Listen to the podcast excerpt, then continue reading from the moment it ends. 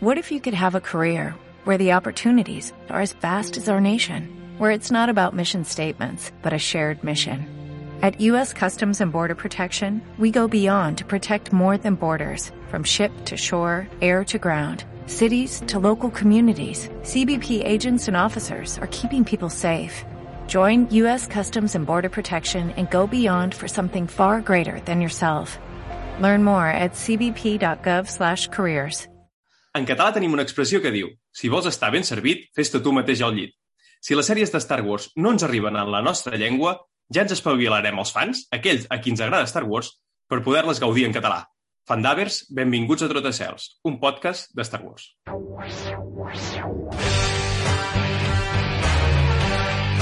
Trotacels, un podcast de Star Wars. Bon dia, Juan Carlos, què tal? Molt bon dia, Adrià. Estem aquí al nostre podcast, a Trotacel, molt content, perquè avui... Bueno, l'altre dia ja va venir el Pau i avui tenim una persona aquí, bueno, un amic ja de la casa i que tenien ganes de, de que vingués, d'expliquem moltes coses. Sí, anem a presentar uh, el bon home, que vaja, és un magnífic il·lustrador, twitchaire, tuitaire, uh, youtuber, i segurament podríem posar molts adjectius, que, que lidera un projecte molt interessant que en parlarem avui.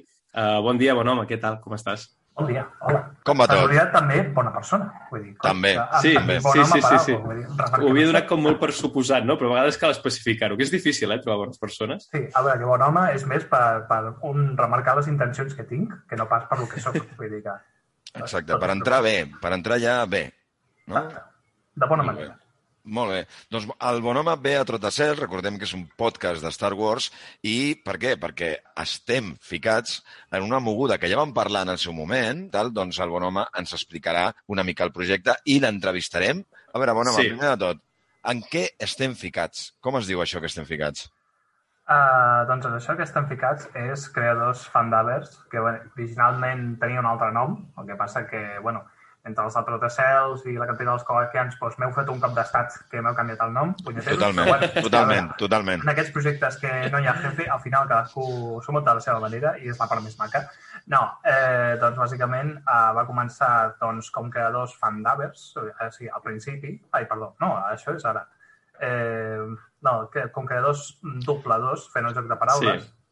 I bé, per, per les discussions es va canviar el nom i neix una miqueta doncs, a la mateixa etapa que va començar la quarantena, en una etapa que estàvem tots doncs, tancats a casa, que estàvem bastant avorrits i que les notícies sortien de que TV3, doncs, degut a la situació, doncs, no tindria temps a fer contingut original. A partir d'aquí doncs, es van saltar diverses alarmes, vaig començar a investigar i veia doncs, que, bueno, degut a també algunes crítiques de gent del sector de que a les sèries, inclús a pel·lícules que es doblaven en català, sonaven inclús amb veus bastant similars. Això es va confirmar quan, en un debat sobre el tancament de Miquelets TV, doncs es va ficar en Jaume de Sant Boi, que veu que és un director de, de, de tècnics de so i de doblatge, Mhm. el va confirmar que és que no, no, no és que sonin igual, sinó és que són les mateixes veus. Perquè es veu que des de 2009, que TV3 amb la crisi paga uns sous eh, irrisoris per doblatges, que inclús a la gent que es dedica al doblatge no li surt a compte complir amb aquests contractes. Però en canvi, gent que Clar. no té experiència sí que ho prova. De manera que sempre són la mateixa gent i sempre surten a totes les pel·lícules. De manera que la qualitat i la varietat de veus es perdia moltíssim. O sigui que el que, el que estem veient és que era un, un sector que als 80 i 90, un sector molt fort, aquí a Catalunya, a Madrid també, no? però ara és bastant precari. No? Aquesta és la història. Molt, molt precari. Més del, que, més del que em pensava, Clar. la veritat. A veure, jo sí que volia fer un comentari, i és que eh, no sé on, on ho vaig sentir, però crec que va ser una reflexió per mi maca, interessant, i és que els nens i nenes eh, que han d'escoltar coses en català, han de veure els dibuixos en català, han de veure les, els seus continguts. Ja no parlo només de la gent gran, sinó de les persones que estan aprenent una llengua, no? I en aquest cas, com sabem, la llengua és, diguem, eh, la base de qualsevol cultura. Vale? O sigui, llavors és una cosa que s'ha de fomentar perquè si no desapareix Sí, tota una sí, sí. identitat, no? Uh, bueno, va haver-hi, eh, justament en aquesta entrevista, en aquest debat, uh, va comentar alguna interessant, i és que, clar, el català s'ensenya a les aules, però més enllà de les aules, uh, s'aplica en algun lloc més a la banda dels joves? Clar, si internet el que es fomenta són uh, youtubers que acostumen a parlar en castellà perquè així eh, aprofiten i tenen també la, mm, com l'audiència la, de Sud-amèrica, doncs clar, òbviament la, la banda catalana queda bastant apartada, en el qual eh, dona com un marge o un espai en el qual el català doncs, que tenia molta potència en l'animació o en contingut de sèries i ara no s'està aprofitant. Clar. Llavors, eh, Fandavers venia una miqueta d'això, que és el tema de que sabem que és car. És a dir, l'edició i doblar i demanar permisos, mm. sabem que és car, sabem que és farragós, sabem que eh, en tema de funcionariat és molt pesat. I a partir d'aquí el que volem fer és crear un sistema de manera que des de casa i amb molt poques eines poder fer doblatges des de, des de casa. És a dir, la pròpia gent els propis usuaris que escolten i que consumeixen aquest contingut generin aquest mateix contingut, de manera que no hi ha aquesta dependència a una estructura mediàtica, sinó que som nosaltres, els consumidors, els que generem el contingut. I jo crec que és un missatge important a transmetre, que és el, eh, bueno, ja ho ha dit el company Adrià, de si vols estar ben servit, eh, patar els collons. Sí, sí, sí. No, trobo superinteressant, eh, sobretot la, la reflexió de Fas, que dir, vale, som nosaltres els que ens agrada doncs, X pel·lícula, X sèrie, el que sigui, per tant, ens animem i la doblem en català perquè tenim, diem, algunes eines bàsiques que ens permeten doncs, doncs fer-ho que abans potser fa, fa un, no, no gaires anys doncs, potser no es podien, no es podien tenir. Uh, jo, sobretot, el projecte el que, el que veig més és que pot enviar un missatge cara en fora dir ei, que realment hi ha gent que està interessada en consumir en català. Uh, tan interessada com fins i tot que és capaç d'organitzar-se, gent que no es coneix absolutament de res, que s'han conegut per les xarxes i, i, i tenen la capacitat aquesta de dir, doncs mira, sense gairebé experiència en, en doblatge, en interpretació, uh, en edició, pràcticament, vull dir, d'una forma totalment amateur, doncs tenen ganes de fer coses en català, ho fan i, ja veurem quin resultat en surt. Segurament lluny, la diferència, evidentment, amb un doblatge professional, doncs, doncs, doncs en serà, però sortirà segurament un producte decent. Llavors, és dir, ep, que realment hi ha consumidors, hi ha gent que, que, que té tantes ganes d'absorbir català en, en, en audiovisuals de que s'ho fan ells mateixos. Jo crec que és el missatge, un missatge superimportant a enviar a l'administració, la, que imagino que, eh, com deies molt bé abans, que, que ofereix doncs, molt pocs diners, realment no estava ja veurem ara que les coses van canviant sempre, depèn dels governs i tot plegat, ja veurem què passa ara, però de moment, almenys aquests últims anys, eh, no ha mostrat massa interès en el sector o n'ha prioritzat d'altres? Jo, jo volia comentar, res més per acabar aquesta part més política, però que és real, no? Eh, jo tinc un amic, un amic que és magrebí, eh, ell és àrab, el, Bra el Brahem, és un amic meu de tota la vida, ¿vale? I és un xaval que va arribar a, a Barcelona, a Catalunya, quan tenia eh, doncs, 10-11 anys. O sigui, que no va néixer aquí i, per tant, quan va arribar no tenia ni flower de, ni de castellà, ni de català, ni de res. I ell sempre diu una cosa molt, per mi molt interessant i molt gràfica, que ell sempre diu que va aprendre català veient dibuixos a la tele. És a dir, nosaltres Clar. ho tenim integrat d'alguna manera, vale? les nostres famílies, companys, amics, el que sigui, no? Però estem parlant d'una persona que avui en dia parla català, l'entén, vale? Pues, doncs segurament gràcies als dibuixos. Què vull dir amb això? Que s'ha de generar contingut, perquè abans el bon home ho deia, si només el català s'aplica de manera regular i estricta a les escoles, al final acaba sent més una obligació que no una cosa sí. orgànica. Llavors, sí, sí. llavors jo vaig per aquí, no? I jo crec que, eh, i ara sí enllacem amb Fandavers, eh, creadors Fandavers, no? que el que pretenem és això, generar contingut que en un moment donat pugui ser pues, consumit i que agradi i que sigui entretingut i ja està. Eh, dintre del grup tenim gent, com el Dar Segador, i jo estic d'acord amb ell, que defensa molt el, el llenguatge original. Evidentment que sí, però jo crec que la nostra missió és una altra, no? No és, no és competir ni amb els, les ni els principals ni, ni reals eh, actors i actrius de doblatge, que són uns professionals i que eh, tenim molt de respecte. Per això ens diem creadors fandavers, perquè nosaltres sabem que no som dobladors de res, no? ni som professionals, eh, encara que en el grup ha sí que hi ha algun, eh? No, bon home? Això, alguna... això m'ha semblat veure, sí. sí. Sí, de fet teníem a, a Vero de Oro, que aquesta és dobladora professional, és a dir, ella, ella ha fet treballs de doblatge, té canal de YouTube i tot, vull dir, la podeu buscar, és una grandíssima actriu de veu. És a dir, bueno, algun cop quan em va dir una nota de veu li vaig dir en plan d'hòstia, la teva veu és per posar-se firmes i, i dir, és, és d'aquestes veus que imposen, que, que ja directament el sents i és que aquesta és la diferència entre un doblador i una persona normal, que és que un doblador el sents parlar encara que sigui per anar a comprar el pa i és que te l'escoltaries, encara que estigui dient una xorrada, és que et tenen ganes d'escoltar-lo tot el dia, perquè és que fan goig. Sí, no? Tenen aquesta, aquesta màgia, tant, no només el que és la seva veu natural, no? sinó la manera d'expressar-se i tot plegat que, que enganxa. Està clar. Exacte. Bueno, com, a, Totalment. com el doblador de... De concurs i això, de... però jo era tan petit que ni me'n recordo, bueno, petit potser no havia ni nascut i ho estem resumos. És Constantino Romero. el Bueno, maestro. Sí, El sí, sí. El mestre. I, bueno, El el mestre. Que, són, són gent que, que és que el sents parlar i és que no, no, no, no, no els deixaries d'escoltar. Home, és una gent, era és una que imposa no? i sí, que també fa de Mufasa. És a dir, és, a dir, és, és que ja directament diuen una cosa per la xerrada que sigui i allà es queda, o sigui, queda gravat en pedra. Sí, No, no sé com sí, sí, foten, però ho fan. I la idea és això, que amb ells i una miqueta, doncs, amb Juan Carlos, que fa una miqueta el tema d'edició, doncs cadascú aporta el seu tema eh, per anar ensenyant i d'alguna manera, doncs, el que té més ganes de doblar, doncs, potser així també aprèn a editar. El que sap una miqueta d'edició però no s'anima una miqueta amb el doblatge, doncs l'altre li fot un cop d'esquena i s'anima a doblar un vídeo.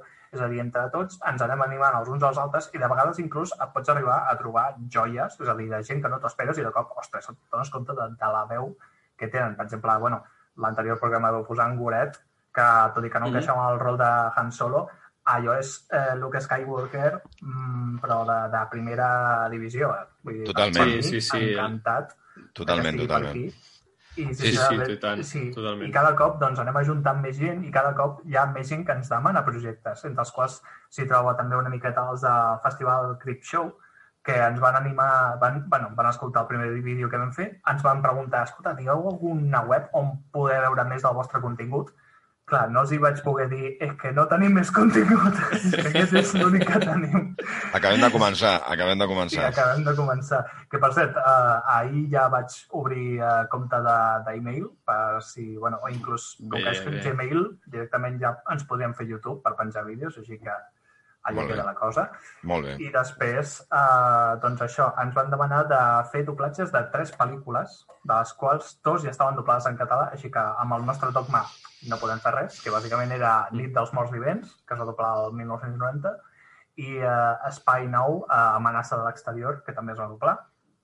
I l'únic que ens quedava com a tercera opció, que jo sincerament era l'única que no volia fer per les crítiques que tenia, però és que és l'única que no està doblada, i amb raó. I és Clar. eh, Manos, The Hands of Fate, eh, Les mans del destí, que és bàsicament la pel·lícula que està reconeguda com la pitjor pel·lícula de la història i ens han dit, és tan dolenta que el doblatge, si voleu, ho podeu fer fatal, però expressament malament. O sigui, de, del dolenta que és, que és que podeu fer com els, els comentaristes de- d'humor amarillo que feien a la 4, doncs Sí, sí, sí, sí, el mateix rotllo, perquè és que és igual. El guió és que és tan merda que és que ens podem inventar el que sigui. No, no, Que inclús uh, vaig llegir la, la, la introducció, vaig fer un petit pòster de, per anunciar doncs, una miqueta el, el Tyler, que bueno, és un pòster bastant cutre, i diu així, uh, Manos, les mans del destí, un culte a l'horror, música en viu, nivell interpretatiu d'un ninot, vestuari de segona i un cotxe fet de cartró. Bàsicament és l'únic que necessita saber d'aquesta pel·lícula. M'encanta la sinopsi. Bueno, una mica... No és una sinopsi, és com una descripció, no? De, de mira, això és el que us trobareu. Fes-te la, fes la idea que això... Que la trama a ja és secundari, Manos, ni gairebé, no? Ni res, és... mm, Aquí no enganyem a ningú, aquí no enganyem a ningú, no? Exacte. Aquest No, no, i el pòster sembla que estigui fet amb paints, vull dir, està fet Sí, tot sí, sí. expressament perquè... I, en fi, i em va sorprendre perquè ens van dir que inclús que no feia falta que dobléssim ara per ara perquè fan un festival eh, entre el juny i el juliol, si no m'equivoco, entre el 26 i el 7 de, de juny, i el que volen fer és... Eh, o sigui, ens van demanar la pel·lícula, però deien, si no us dona temps per fer la pel·lícula, amb que dobleu un tràiler ja estaria. Bueno, Llavors, és que he buscat el tràiler i el tràiler fa, fa més vergonya perquè és que està... No, no, no, no té res, no té res aquell tràiler. Així que, bueno, Bueno, doncs, pensant, i ens van això- comentar inclús, per, per, espera, perquè això em va fer especial il·lusió, de fer projeccions cines.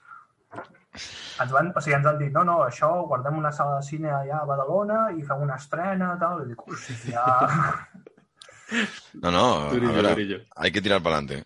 No, no, molt bé, doncs, ei, fem-ho, i ja està. Bueno, doncs parlem una mica d'això dels projectes. A veure, què tenim allà eh, davant? Tenim, per, per una part, explica tu, bueno, home, què tenim exactament ara real, eh? realista, perquè s'han parlat de moltes coses, vale? però que realment anem a tirar endavant, ara tenim un, Sí, bàsicament. ara mateix, o sigui, sempre anem com que, a veure, reconeixem, som un equip petit, fa res que han començat amb un vídeo, així que tampoc estem ara mateix com per fer 30 projectes a la vegada.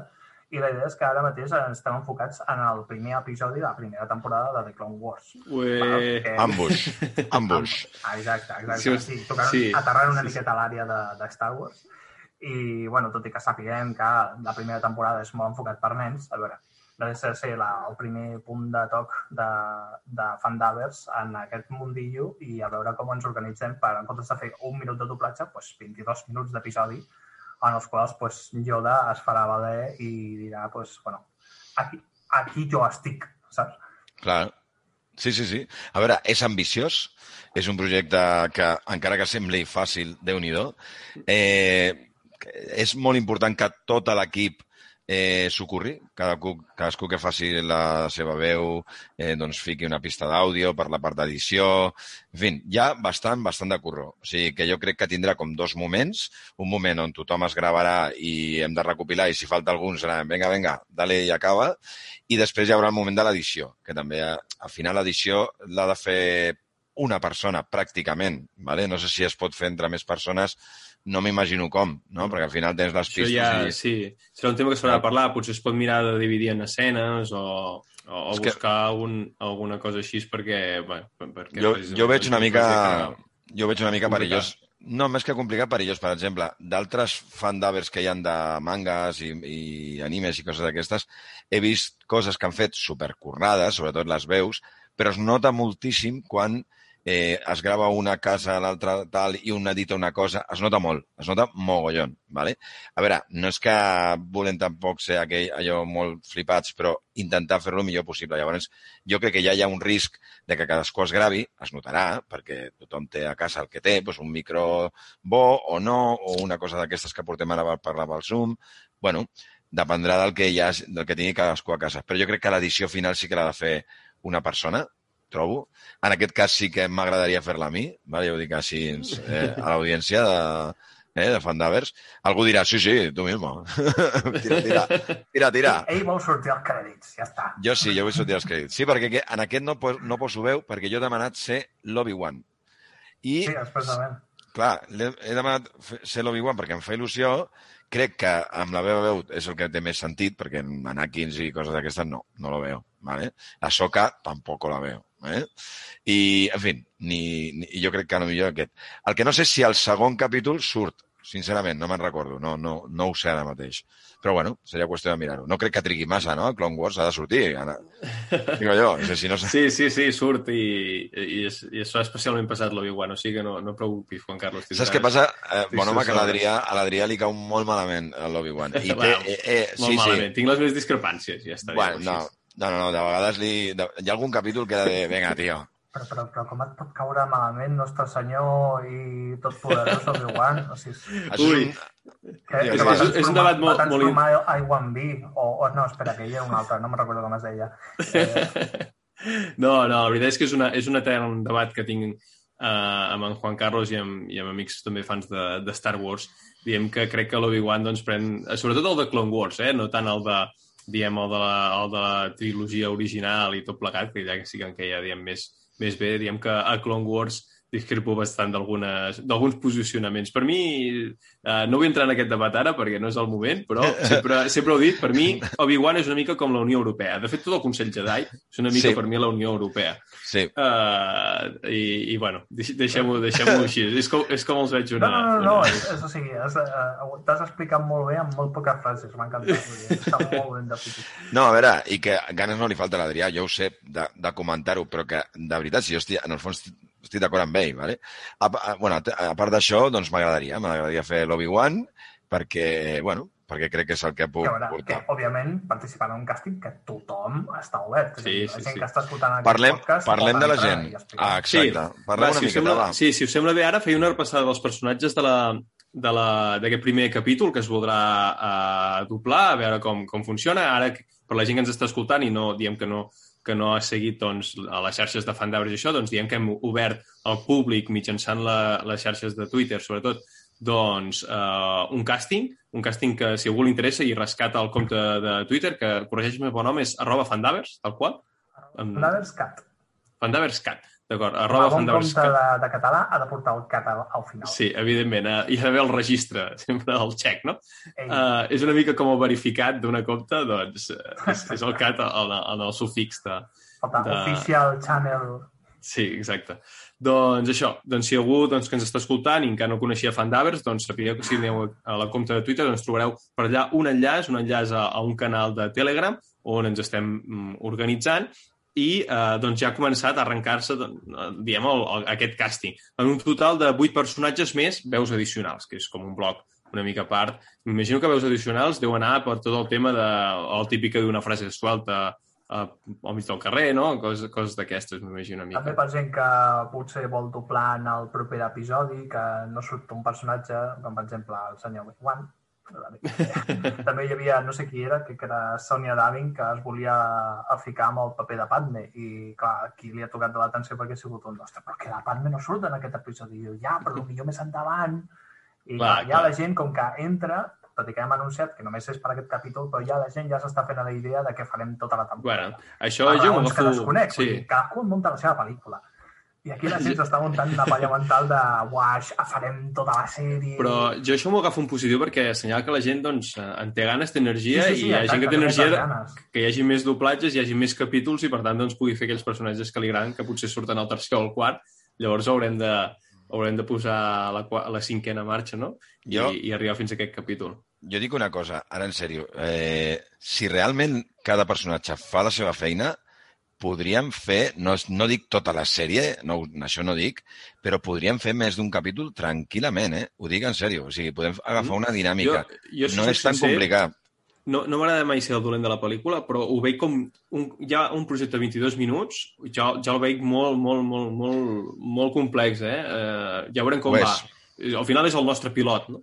Sí, podríem dir-ho així. Aquest Sí, primer capítol de. Clone Wars és el, és el projecte pilot, podríem dir, perquè l'altre, al final, el, el, el tall d'en Han Solo van ser uns minuts, va ser, també va ser un pilot al final, però ja va ser uh, un caire, al final, una sola veu, un, uh, era una veu i un editor, un càsting de quatre persones, I- ara clar, aquí és un càsting i un traductor, correcte, un traductor, uh, al final uh, una veu amb un càsting de quatre persones i un editor. Ara aquí parlem de d'un... Al grup ja hi ha unes 40 persones, 47. Vaja, és, és 47, imagina't. Vull dir 47 que persones. Des, despistes un moment i hi ha 10 persones noves. Això està creixent moltíssim. Jo em comprometo, jo em comprometo a fer un vídeo, vale? ho dic aquí, perquè ara, mentre parlàvem, m'he escapat al Telegram, perquè eh, no ho hem dit, però nosaltres ens, ens eh, coordinem en un grup de Telegram, vale? que està enllaçat, òbviament, al nostre Twitter, i el que deia, i jo em comprometo a fer un vídeo de com s'ha de gravar la veu, vale? i com s'ha d'ubicar i com s'ha d'entregar.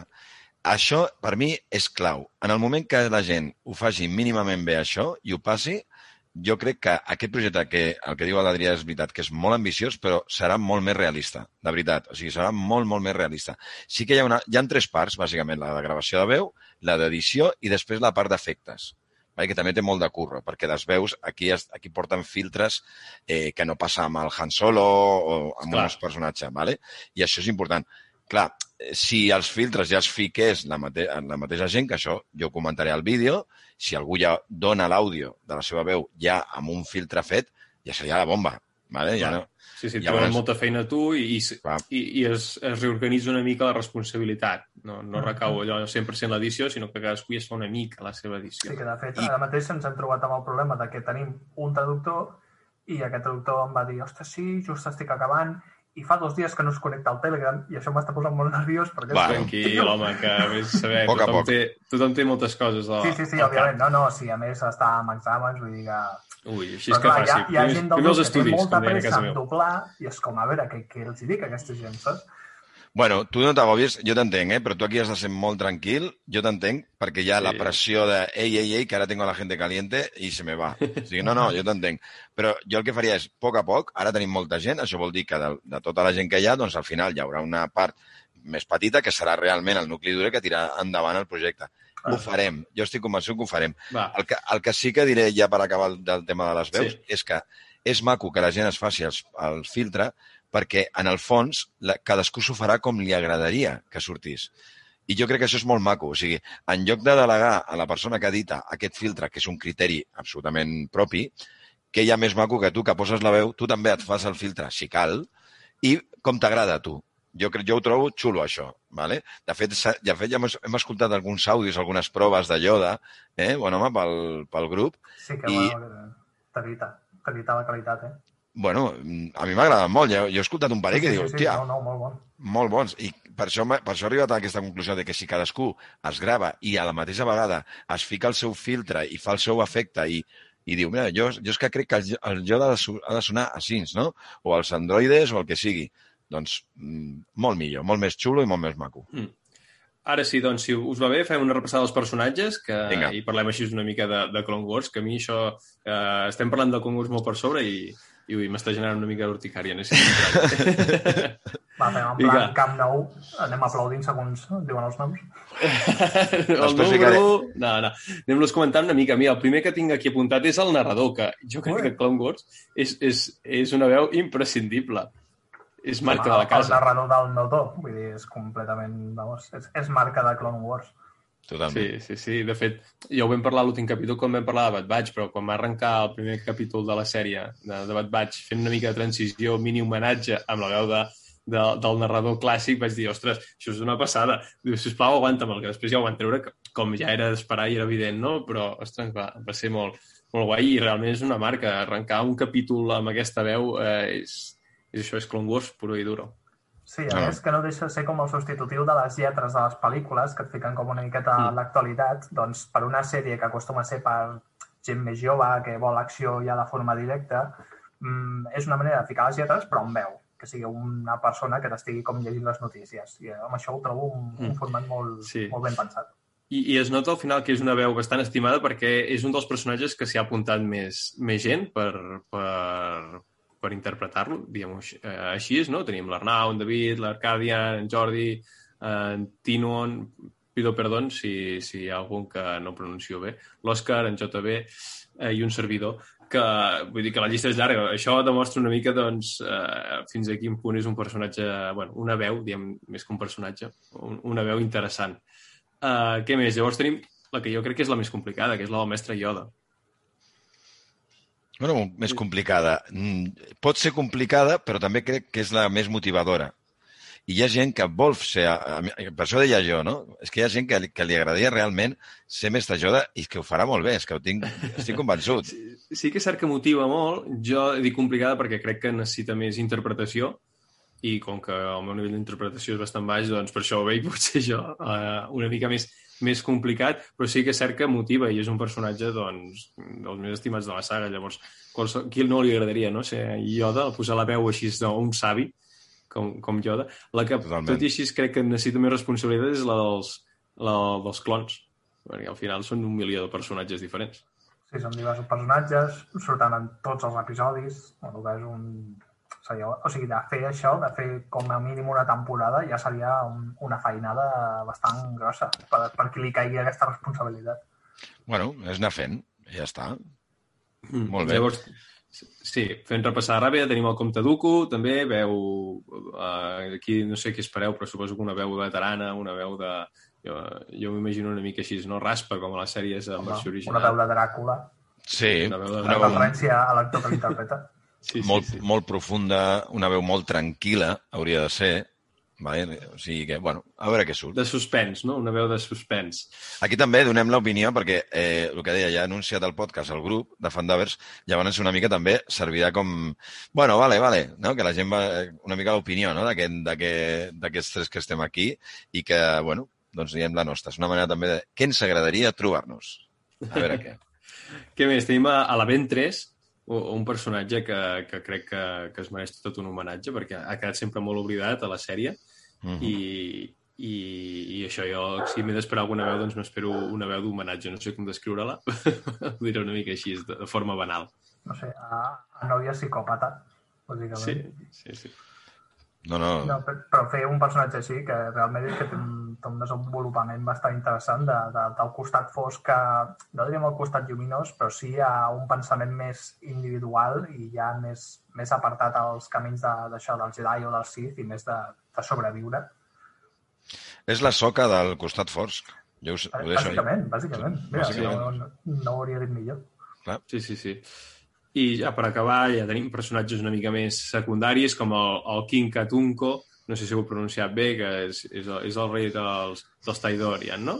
Del, sí. del planeta, on passen els successos del primer episodi, Battle Droids, i ja soldats uh, aleatoris Toidarian, que també podrien ser, diem, veus d'aquestes uh, addicionals, una mica una mica més secundàries i que es poden anar reutilitzant. Diem que no són personatges que acabaran lligats a la veu, o al revés, veus que, que acabaran lligats al personatge. Uh, els Battle Droids, uh, bueno, es va comentar, no sé en quin podcast, però es deia que en aquest doblatge, clar, els Battle Droids no tenen boca.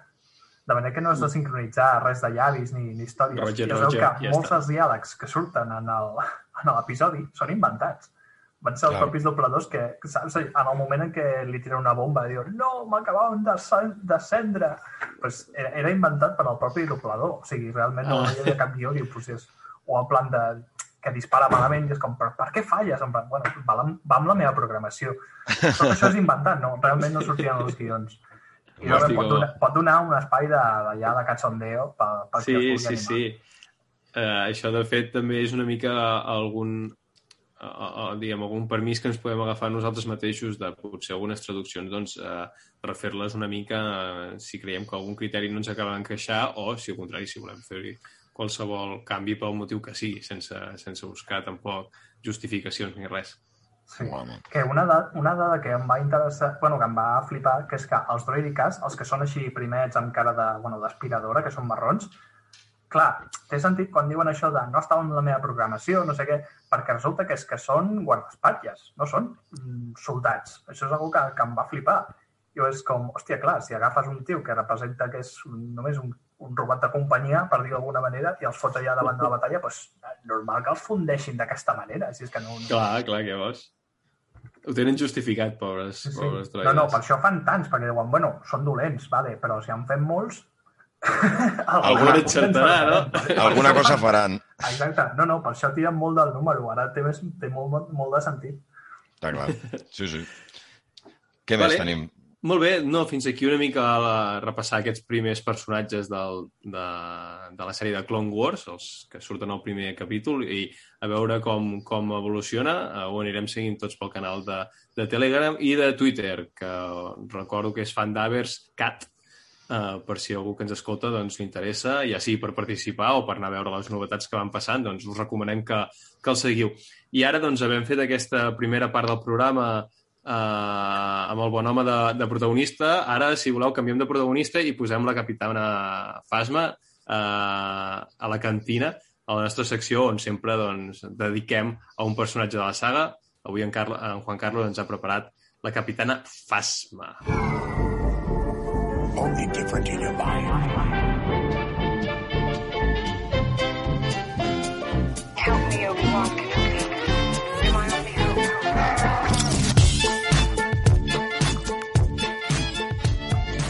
Doncs molt bé, avui estem a la cantina de Mos Eisley amb la capitana Fasma. Hem de dir que el primer que ha passat quan hem entrat a la cantina és que la capitana Fasma ha hagut d'aixupir-se una miqueta. Estem parlant d'una dona de dos metres i, clar, ja ha començat una mica a liar. Ja hem dit, Fasma, tranquil·la, seu aquí, anem a parlar, que ja saps que aquí a la cantina de Mos Eisley no agraden molt els soldats, en fi, hi ha, hi ha hagut una mica de tensió, però bé, però ho hem portat bé.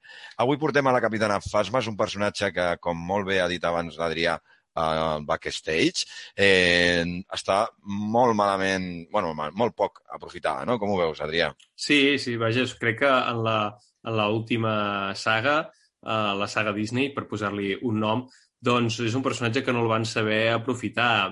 Va semblar en el primer episodi que se l'introduïa per a les dues següents pel·lícules doncs, anar-lo explotant, però al final doncs, va, va quedar de forma abandonada. Imagino que són decisions que es van prenent a mesura que es van gravant les pel·lícules i que eh, això passa en moltes sagues, eh? no només en Star Wars, que comença eh, una saga, introdueix alguns eh, elements, ja siguin personatges, espais, el que sigui, Uh -huh. i eh, llavors, pel motiu que per decisions de direcció, de guió, que sigui, doncs acaben perduts. I això ens passa en moltes sagues i es nota sobretot en sagues que no han acabat d'estar escrites de principi a final o que s'han anat refent molt sobre la marxa segons criteris de mercat. I jo crec que és el que va passar. El que sigui el, la Capitana Fasma, doncs, si ja fos per decisions de producció econòmiques o d'interès de mercat o el que sigui, doncs van dir, mira, és igual, el vam introduir, però ja farem més coses més endavant, amb sèries, o el que sigui, el deixem allà i ja, i ja està.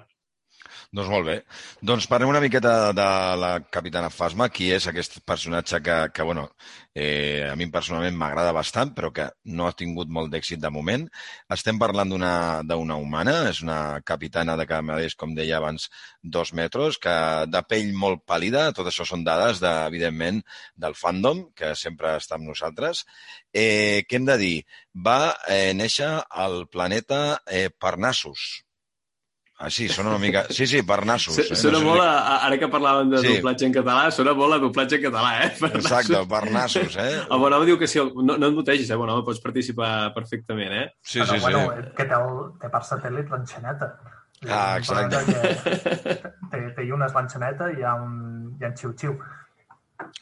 Van com... bueno, comencem pel final. Eh, la Fasma va morir eh, 34 anys després de la batalla de Javin. Va? És- és- No sé amb quina edat, no queda clar. A millor tenia 34 anys, no ho sé. I va morir a la nau a la Supremacia. Recordem que és la nau... Eh, ella era una de les que la eh, manava allà, no?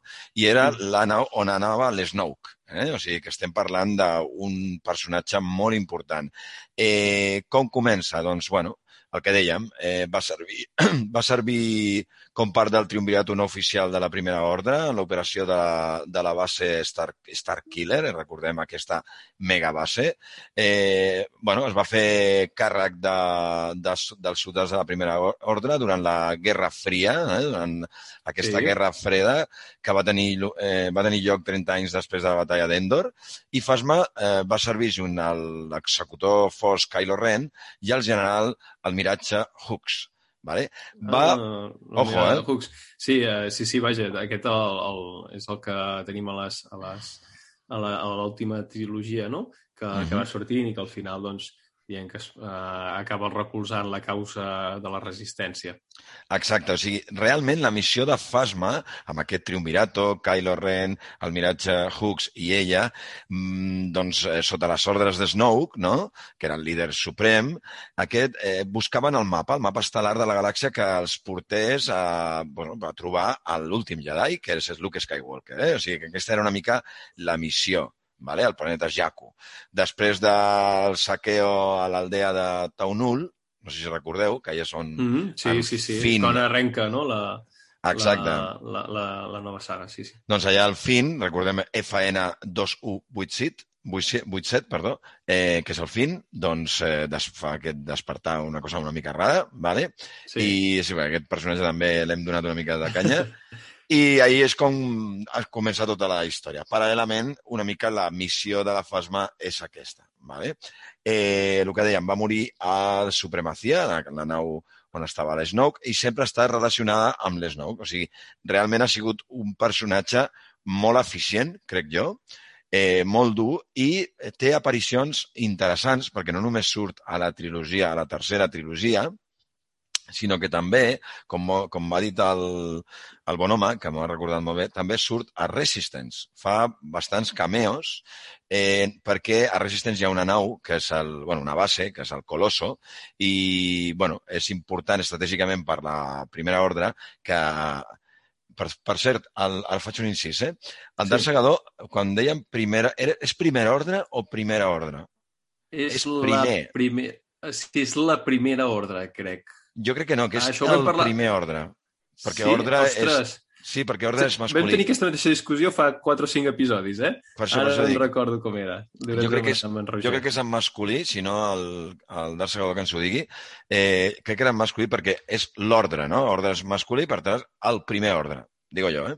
Però bueno, en qualsevol cas, Mm, deia sí. que quan la primera ordre s'interessava per prendre control de l'estació, eh, que és una estació de eh, reabasteciment de combustible al Colosso, vale, que estava en Castillon, doncs Fasma, eh, Fasma eh, juntament amb el major Elric Bonger, eh, no, Bongrek, perdó.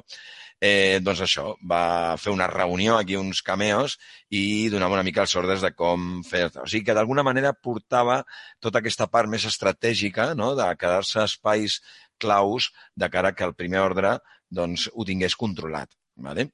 Era una miqueta, eh, en aquest sentit, aquí jo fa, aquí ara ja agafo una mica el meu rotllo, eh, era una miqueta el Darth Vader, ojo el que diré, vale? en el, Aviam, aviam, agafeu per això, per això, per això, per això, per això, ho dic bé, eh?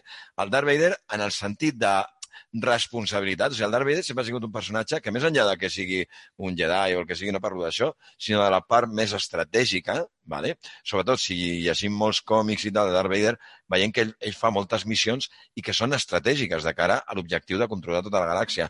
Una mica la Fasma també fa aquestes funcions. Això ho volia dir, eh? no, no, no res Vale. més. Vale? I crec que és un personatge que pot donar moltíssim, moltíssim joc. I per què hem escollit la Fasma? Doncs aquí sí que faig el petit incís, i és que li vaig comprar a la meva companya Judit, des d'aquí la mando una salutació, eh, el dia de Sant Jordi, una novel·la gràfica vale? que es diu Capitana Fasma. De fet, no sé si faran més tomos, crec que sí, que, que hi ha més tomos, i me l'ha començat a llegir, vale? la Capitana Fasma, i crec que valia la pena doncs, eh, parlar d'ella en el nostre podcast. No, Eh? su, su, és un personatge, com deien, que, que al final a, a, la, a les últimes tres pel·lícules doncs, va quedar en un, en un, en un segon pla, mm, diria jo de forma sense saber-ne res ni haver llegit res al respecte, eh, doncs eh, en segon pla de forma eh, no intencionada al principi i Mhm. més endavant de forma intencionada, evidentment. Uh, I, vaja, crec que es fa pinta, com a mínim, pel que m'has comentat, uh, Juan Carlos, doncs que el còmic és superinteressant, aquesta novel·la uh, gràfica. Uh, què, què ens pots dir així en general de moment del que has llegit? Sé que l'has començat fa poc, eh? Sí, he començat fa poc. Eh, bueno, us, faig una mica, us, us explico una mica la sinopsis perquè és el que sé de moment i diu així. Eh, poc abans de la destrucció de la base de Starkillers, la capitana Fasma eh, va ser capturada i eh, tancada a un compostador de brossa. Eh, eh, per, però ella aconsegueix escapar. En el, quan aconsegueix escapar, d'alguna manera té un, com una mica de lío al cap, no? Lo típic de, uf, hòstia, doncs igual la primera hora no era el seu, no? Val, I- sí, sí, entra una mica en aquest debat que tenen la gran Sí. majoria de personatges de Star Wars del cantó fosc o el, can... el costat fosc, perdó, al costat de la, de la llum. I, Exacte. i vaja, veig que també el, el té per part de la Capitana Fasma. Sí, i ella doncs, coneix a personatges i bueno, està relacionat també amb la relació que té Darth Vader eh, amb el- l'emperador, que en principi eh, cronològicament no toca, però sé que el còmic surt, o sigui que estic molt interessat a veure què passa i jo crec que hi ha una relació. Realment, la Capitana Fasma hem de, seria de donar joc i jo crec que tindrà bastant protagonisme als còmics, de moment, com a mínim de moment. Eh? Jo Pinta- crec que, que Pinta, que bé. sí. I ja ens aniràs in- informant de com eh, evoluciona la teva lectura en aquest, en aquest còmic. Segur que serà super interessant per conèixer més detalls de, no només d'aquest personatge, sinó també un paral·lel a, a tota, tota la història de la, de la última trilogia.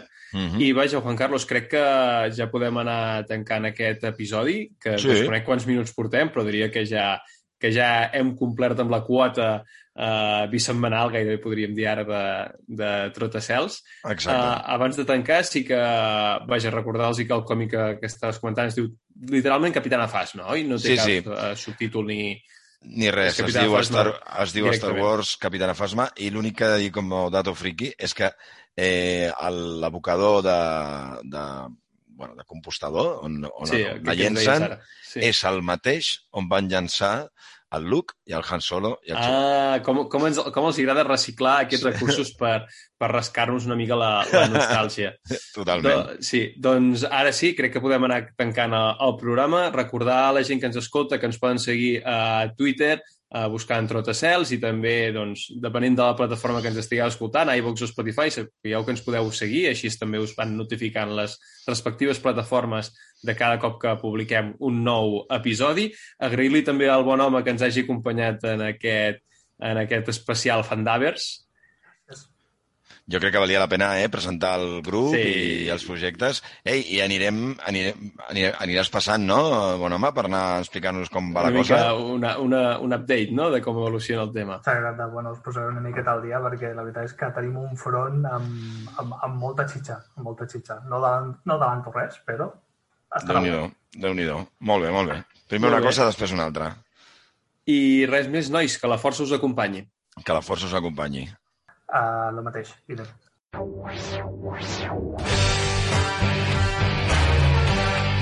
Trodacels, un podcast de Star Wars.